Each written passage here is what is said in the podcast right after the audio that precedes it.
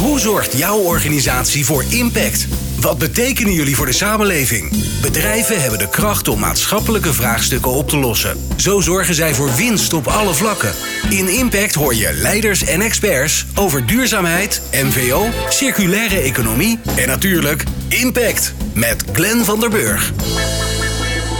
Nederland en de strijd tegen het water. De strijd leek gewonnen, maar klimaatverandering verandert de spelregels. Verdroging, verzakking en verzilting van ons land, stijging van de zeespiegel en rivieren die zich niet meer houden aan de regels. Hoe moeten we ons water beheren in een veranderend klimaat? Daar gaan we het over hebben met Hetty Klavers. Ze is eh, dijkgraaf van de het waterschap Zuiderzeeland. En dat is uh, bij de ouderwetse Zuiders, de Zuiderzee, dus uh, in, de, in, de, in de buurt van de Flevo. Uh, René Didde, wetenschapsjournalist en auteur van het boek Nederland Droogteland. Nou, daar zit natuurlijk gelijk alweer een soort contradictie in je hoofd. Dat heeft hij niet voor niks gedaan. En Sibren Zelstra is mijn co-host van GroenLeven. Deze podcast maken we samen met GroenLeven vanaf Terschelling tijdens Springtijd 2021. Het jaarlijkse forum waar samenwerkingen worden gesmeed en krachten gebundeld om de wereld te verduurzamen. Fijn dat jullie er zijn, Hetty, René, Sibren.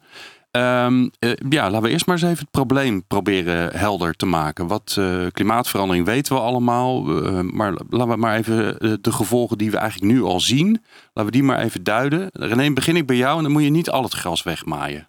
Oké. Okay. Dus, dus noem even één of twee dat je zegt van nou, dit zie ik gebeuren. de bottomline is van de klimaatverandering is gek genoeg dat het meer gaat regenen. temperatuur stijgt, gaat meer regenen. En tegelijkertijd gaat die regen uh, extremer worden. De kans daarop wordt groter. Dat hebben we gezien dit jaar. Maar hij gaat ook vallen op momenten dat we, het, dat we er eigenlijk niks aan hebben. Zoals? En tegelijkertijd in de winter en in het voorjaar, als de boeren er niks aan hebben, als de natuur in winterslaap is. En uh, tegelijkertijd neemt de kans op droogte toe in de periode dat we juist behoefte hebben aan het water. Oké, dus, het, dus de, ja, de natuur is echt letterlijk van slag. Ja, het klimaat, uh, het klimaatverandering lijkt echt voelbaar uh, geworden en tastbaar geworden in de samenleving. Het is niet langer een uh, eh, IPCC of wetenschapsverhaal. Het is, je ziet het in de praktijk. Ja, Etty, je bent verantwoordelijk voor dat de mensen, jouw burgers, hè? Hoe, hoe, noem je eigenlijk? ik noem, ik noem mijn burgers inwoners. Jouw inwoners, kijk. Inwoners. Jij bent verantwoordelijk voor dat de inwoners droog blijven. Wat is het gevolg van die klimaatverandering voor, voor jullie waterschap? Wat, wat moeten jullie gaan doen? Om, wat zijn de, de toekomstvoorspellingen? Ja, die zitten eigenlijk op alle vlakken van het werk van het waterschap. Hè. We zorgen voor, uh, voor de dijken. Nou, evident als de zeespiegel stijgt, uh, als de IJssel in mijn gebied uh, meer water gaat afvoeren, dan moet er wat aan de dijken gebeuren. Achter de dijken wonen heel veel inwoners, bedrijven hebben heel veel te verliezen achter de dijken. Dus dat in zichzelf uh, uh, ja, leidt er al toe dat je dijken zou willen versterken. Achter de dijken nou ja, verzakt het land in grote delen van, uh, van Nederland. En daarmee wordt het verschil tussen voor en achter de dijken steeds groter. Ja, en het land verzakt. Voor, jou, voor jullie is dat gesneden koek. Waarom verzakt dat land? Nou, als ik naar mijn gebied kijk, uh, dan uh, zitten daar meerdere oorzaken onder. Eén, uh, wij zijn polder, recente polders. En we weten allemaal als je een polder droogmaalt, dat dan doordat de druk van de zee, in ons geval Zuiderzee, wegvalt, klinkt het, de grond in. Uh, en uh, daarnaast hebben wij ook heel veel veen in onze ondergrond zitten. En als veen niet genoeg uh, water krijgt, dan verdwijnt het, dan verkrummelt het. Dan blijft er niks van over, neemt het geen ruimte meer in en dan zakt het ook. Dus dat zien wij ook in ons gebied. En daarnaast. Ja, en dat veen krijgt misschien wel genoeg water, alleen te veel op het verkeerde moment en te weinig ja, op het, het, goede moment. Het is een onomkeerbaar proces. Dus als het in de zomer te droog is en het, en het verkrummelt, en dan kan je nog zoveel regen hebben in de winter, het komt er echt niet van terug. Ja. Het is hetzelfde als met uh, een plant die je op je balkon of in je huiskamer geen water meer geeft. En je geeft hem dan plotseling water, dan loopt het er in één keer doorheen. Die bodem doet niks meer en alles wat erop staat zakt verder weg. Dus wat jij zegt, onomkeerbaar proces. Ja. ja.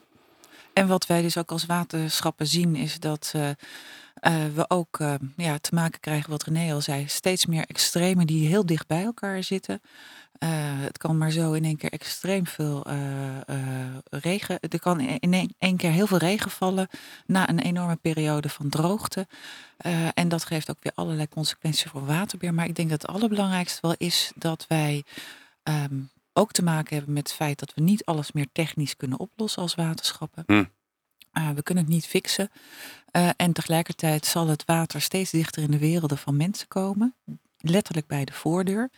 Uh, en dat maakt dat we ook dichter bij de mensen zullen komen en ook samen moeten zoeken naar oplossingen.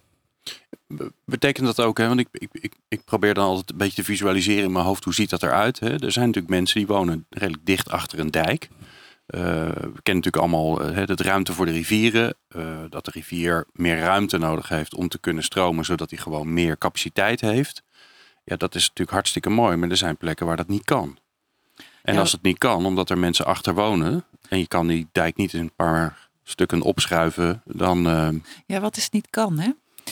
Um, we, we, hebben er in Nederland voor gekozen, um, al dan niet omdat we er al jaren woonden, om op bepaalde plekken die vanuit water geredeneerd vrij onhandig zijn om daar te willen wonen en te blijven wonen. Um, maar we zullen onder ogen moeten zien dat we of gaan leven met water of moeten andere, op andere plekken moeten gaan wonen. Hm. He, dus, hm. dus je kan niet, uh, uh, bijvoorbeeld, uh, nou heel recent natuurlijk aan de Maas. We hebben nu gezien wat de Maas vermag, ook in de zomer. Toevalligerwijs was ik de woensdag voor het hoge water, was ik langs een locatie bij de Maas, waar er een enorme discussie was hoe hoog de dijk zou moeten worden en dat mensen nog wel vanaf hun keukentafel de Maas wilden kunnen blijven zien. Vind ik op zich een hele terechte, want als je in verbinding blijft met het water, dan heb je er ook waarschijnlijk meer respect en plezier respect voor en plezier van. Toen ik een week later daar kwam, toen zei ze ja, het was wel een beetje een luxe. Ja, discussie. maak hem alsjeblieft hoger. Maar als je vervolgens gaat zeggen van um, um, um, ik ga daar een hele technische oplossing kiezen die heel erg duur is, uh, dan kan je je ook nog wel de vraag stellen van als we nou die huizen bestendig maken tegen hoog water. Want je hoeft daar maar de straat over te steken en je bent wat hoger. Um, als we als het ware daar ook wat meer beweging kunnen krijgen. Ja, dat zijn toch dingen die we met elkaar moeten gaan bedenken. Ik denk dat helemaal mee eens. Ik denk dat er hele kleine uh, aanpassingen mogelijk zijn. Zoals mensen die aan de Maas wonen. Om dan maar dat voorbeeld door te gaan dat die uh, geen houten pakket op de grond leggen, maar plavuizen. Dat scheelt al enorm veel in schade. De elektrische voorzieningen die hoger komen, ICT-verbindingen, dat het allemaal een beetje buiten die eventuele mm -hmm. wateroverlast blijft. Of drijvende huizen, of dat ze gewoon mee bedrijven. Dat drijvende huizen, dat ja. kan ook. Maar ik denk ook, uh, wat, waar ik achter ben gekomen na een jaar speuren uh, naar uh, het water, dat we niet alles meer technisch kunnen fixen, inderdaad. Dat we jarenlang het water en de positie van het water naar ons hand hebben gezet om elke functie overal mogelijk te maken. En ik denk dat we in een tijdperk zijn aangekomen waar daar, dat niet meer kan. Zoals Remkes ooit schreef uh, over een ander onderwerp, stikstof. Niet alles kan meer overal. Zo simpel is het. Ik denk dat je over de Maas gesproken geen ziekenhuis van Venlo in de uiterwaarden moet bouwen. En dat is wel gebeurd, hè? Ja, Vlak bij dat de is Maas. niet zo verstandig. Misschien. En dat moet misschien toch op een andere plek. En de boeren die, uh, er wordt dan gezegd, ja, je mag gerust in de uiterwaarden boeren. En dan roep, schreeuwen ze moord, moord en brand dat de mais uh, wordt vernietigd omdat die Maas volkomen doet waar de uiterwaarden voor zijn bedoeld, namelijk uh, de stromen, uh, stromen ja. en meer ruimte pakken als er veel water komt. Ja, dan is het stomste, of aardappelen natuurlijk het stomste wat je kan doen daar. Gas is dan natuurlijk een stuk beter met wat koetjes en die kan je snel van het land uh, halen. En zulke functies, daar moeten we veel meer over nadenken. En ik denk dat er een overheid moet komen die niet langer bang is voor beslissingen te nemen en een beetje net een tikje meer richt, richting geeft aan die, wat ik dan noem, ruimtelijke ordening. Wat we in de jaren 50 ook zo fantastisch hebben gedaan toen de overheid de ruimtelijke ordening in een omgekeerde functie uh, ter hand heeft genomen. Namelijk door allerlei percelen samen te voegen in de grootschalige landbouw mogelijk te maken in ruilverkaveling. Allerlei waterstromen heeft vernietigd eigenlijk. Hm. En ik pleit heel erg in mijn boek ook voor een soort omkering van zo'n ruilverkaveling, een omgekeerde ruilverkaveling met gebiedsmakelaars die gaan zeggen van die functie daar is niet zo slim. Die functie daar kan beter op een andere plek. En ik snap dat dat niet van het een of het ander gaat. Soms is boerenland al eeuwen in, uh, in handen van families. Dat, dat, hè, dat, dat moet natuurlijk. Ja. Uh, maar er moet minstens paal en perk worden gesteld aan de uitbreiding van die functie op verkeerde plekken. Maar ik hoor jullie zeggen, en dat vind, dat vind ik nog wel een, een, een spannende. Um, dat jullie eigenlijk zeggen, ja, het is niet meer allemaal maakbaar. En dat is natuurlijk wel eh, het leven waarin we eh, met z'n allen opgegroeid zijn. Ja. Hè, dat het allemaal maakbaar is. Ja. En eh, ik hoor je nu allebei zeggen, ja, we kunnen heel technisch heel veel doen. We kunnen heel veel bouwen, maar, maar dat is, daarmee zijn we er niet. En we moeten ook accepteren dat we inderdaad zo nu en dan natte voeten hebben. En, en dan maar voor, hè, bouwen en ons voorbereiden op dat je daar minder last van hebt. Ik denk dat dat is wat Hetty bedoelt met van eh, je moet leren, meer weer leren leven met water en met een teveel en ook een tekort aan water. Ik denk, ik ben nog steeds, ik ben wetenschapsjournalist. Ik, heb, ik schrijf 30, 35 jaar stukjes over de fantastische zegeningen van de technologie. Waar je met warmtepompen bijvoorbeeld, een ander onderwerp, fantastische dingen kan doen. Nieuwe relatief nieuwe uitvinding die eh, heel veel kan bijdragen aan de energietransitie in dat geval. Zo komen er in mijn boek ook honderden voorbeelden voorbij van allerlei maatregelen die zowel de overlast beperken als de, eh, als de droogte bestrijden.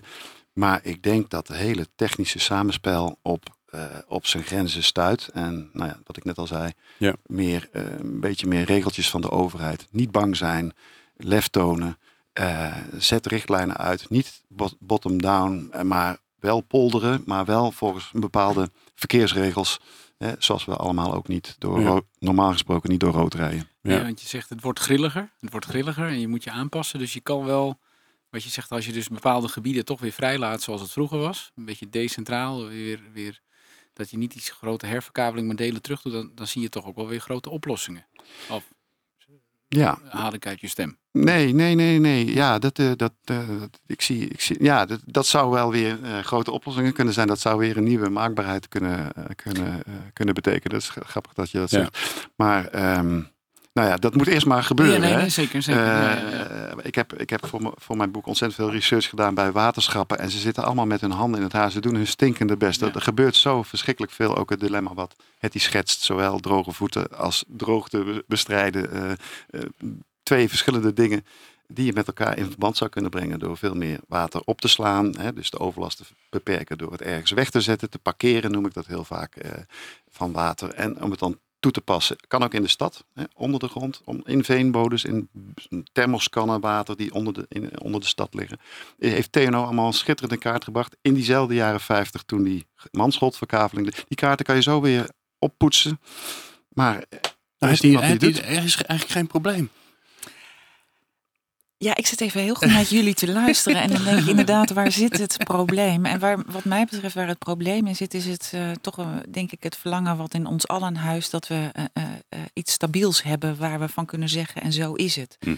En als er iets mij wel duidelijk geworden is, is dat we op dit moment op alle mogelijke niveaus, op alle mogelijke systeemniveaus verschrikkelijk uit balans zijn. Hè? En ehm, ik denk dat we dus naar een manier van leven moeten waarin we gaan zoeken naar dynamische evenwichten. Even een beetje toelichten. Ik Ja, dat is een interessante contradictie eh, in Ja. zichzelf.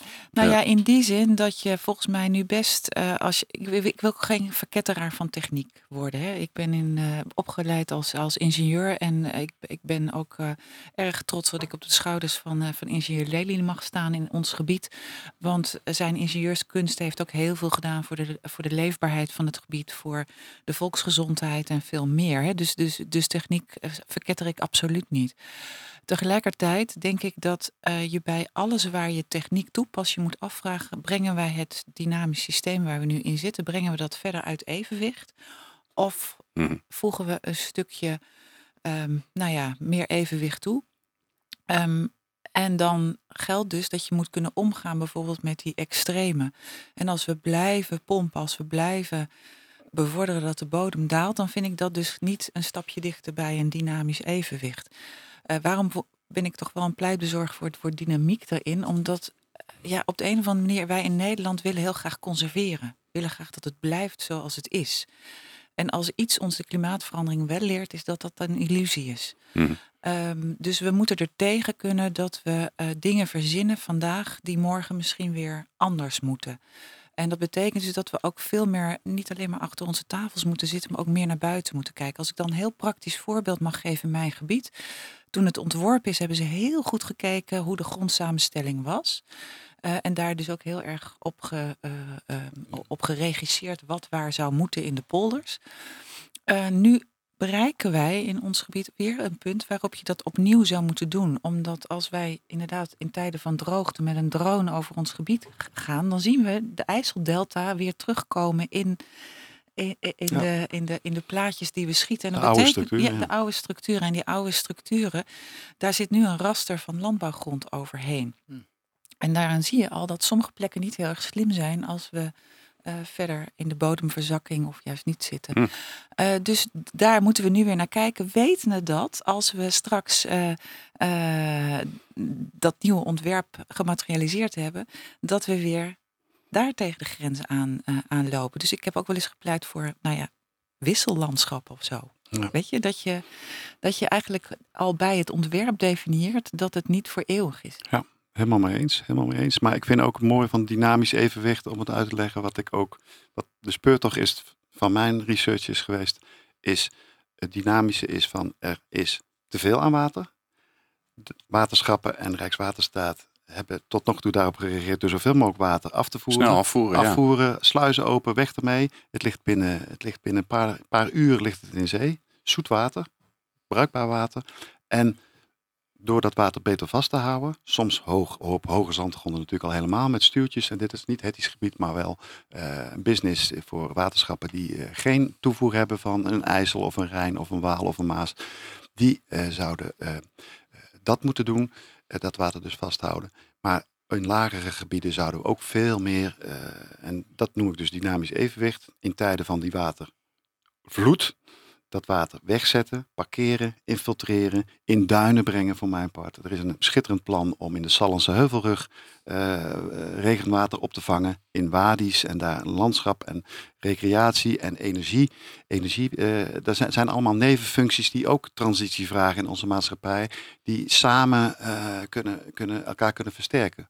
Hè, waarin je dus een, een, een teveel en tekort in een soort evenwicht brengt in de tijd. Door het weg te zetten en het dan Ja, het interessante is, er zit, er zit natuurlijk een hele parallel met, eh, met, überhaupt met de energietransitie, waar, eh, waar natuurlijk druk mee bezig is. Hè? Want daar, eh, daar het energiesysteem was ook, hè, kon meeschakelen met de vraag. En nu ben je afhankelijk van, van de natuur, hè? Zon van, en wind. van de zon en de wind. Ja, en je, centraal. Ja. je hebt het niet voor het zeggen wanneer, er een, wanneer, wanneer het bewolkt is. En je hebt het zeker niet voor het zeggen wanneer het dag en nacht is. Daar zit ook En dat zit hier eigenlijk ook in. Hè? Dus te veel je, en tekort. ja, Ja. je krijgt natuurlijk. Ik denk dat wij in de gelukkige omstandigheid zijn dat we nog steeds flink wat water krijgen. Eh, alleen we, we doen het zo snel mogelijk weg. Terwijl het eigenlijk heel veel waarde heeft. Ja. Ja. Eh, alleen ja, waar laat je het? Net zoals met zonopslag. Hè? ja, Ja, ja, ja, Dus opslag, het is hetzelfde, hetzelfde vraagstuk. Ongelijktijdigheid in, in de tijd. En soms eh, schijnt de zon niet. En soms schijnt die te hard. Dan moeten de energiemaatschappijen de, de, de, de centrales, de panelen afschakelen. Of de windmolens uitzetten. Ja. Omdat het te hard waait. Ja. En dan is er weer te weinig. En dus je moet zoeken naar buffers, naar capaciteit. Ja, waar ik nou wel benieuwd ben, dat zou ik leuk vinden om ermee af te sluiten. Om te kijken of, we dat, of het er al is of dat we dat kunnen bedenken. Eh, wat, als ik één ding geleerd heb van alles wat we nu bij Springtij aan het doen zijn. En, en iedereen die hier langskomt en waar ik eh, mee mag praten. Is het wel dat, eh, eh, dat het allemaal en-en is. Dat, we, dat we slim moeten gaan ontwerpen. Dus ehm, eh, als we dat water vast willen houden, dan zou dat. En ik, het voordeel, ik heb er geen verstand van, hè, dus ik kan alles verzinnen. Maar ik zou dan zeggen, nou, we moeten dat water vasthouden. Maar we moeten ook eh, eh, energie vasthouden. Dus kun je, dat, kun, je die, kun je die niet tegelijk doen? Zijn dat is er niet een oplossing die allebei die dingen oplost? Ben ik wel benieuwd naar. Ik denk dat er een is, eh, nog een relatief nieuwe, en die heet aquathermie. Ja. Dat is met Er zitten hier allemaal mensen gelijk oh ja, Ah, ja, te ah, stralen. Ja, Oké, ja, oh ja. maar het is een, eh, weer zo'n technische ingenieursterm. Ik ben trouwens ook van de oorsprong ingenieur. Maar eh, ehm, je zou de energie die de zon in het water stopt, warm water veroorzaakt, die zou je kunnen wegzetten, wegpompen, opslaan in de ondergrond en hem dan benutten om weer in tijden van dat je die energie nodig hebt, kan je draai je de boel om. En Eigenlijk een hele grote warmtewisselaar. een hele grote warmtewisselaar, exact. Ja. Er zijn echt verbluffende studies over welk potentieel er is. Er is heel veel haken en ogen aan. Bijvoorbeeld de huizen moeten bijzonder goed geïsoleerd zijn, want het is, het moet, is een laag temperatuursverschil. Hè. En, en daar speelt de eerder genoemde warmtepomp weer een rol in. Die weet met een heel klein beetje e- elektrische energie weer dat temperatuurverschil wat hoger te maken op hele efficiënte wijze, waardoor het toch lekker warm is in huis. Ja. En het mooie is dat die in tijden van hittegolven ook kan koelen. Dan is het eigenlijk een soort milieuvriendelijke airco. Ja. Het is jullie met dat soort dingen bezig? Uh, ja, wij, wij hebben als waterschap in kaart gebracht wat het potentieel is aan aquathermie uh, in onze wateren. Wat je wel, um, ja, ik wil geen uh, spelbreker zijn, maar tegelijkertijd, er zijn heel veel transities en, en problemen die we op ons afkrijgen. En die gaan allemaal een beslag doen op de ruimte. Niet alleen bovengronds, maar ook ondergronds. En ik denk dat we daar ook echt wel heel verstandig mee om moeten gaan. het is nu al heel druk in de ondergrond.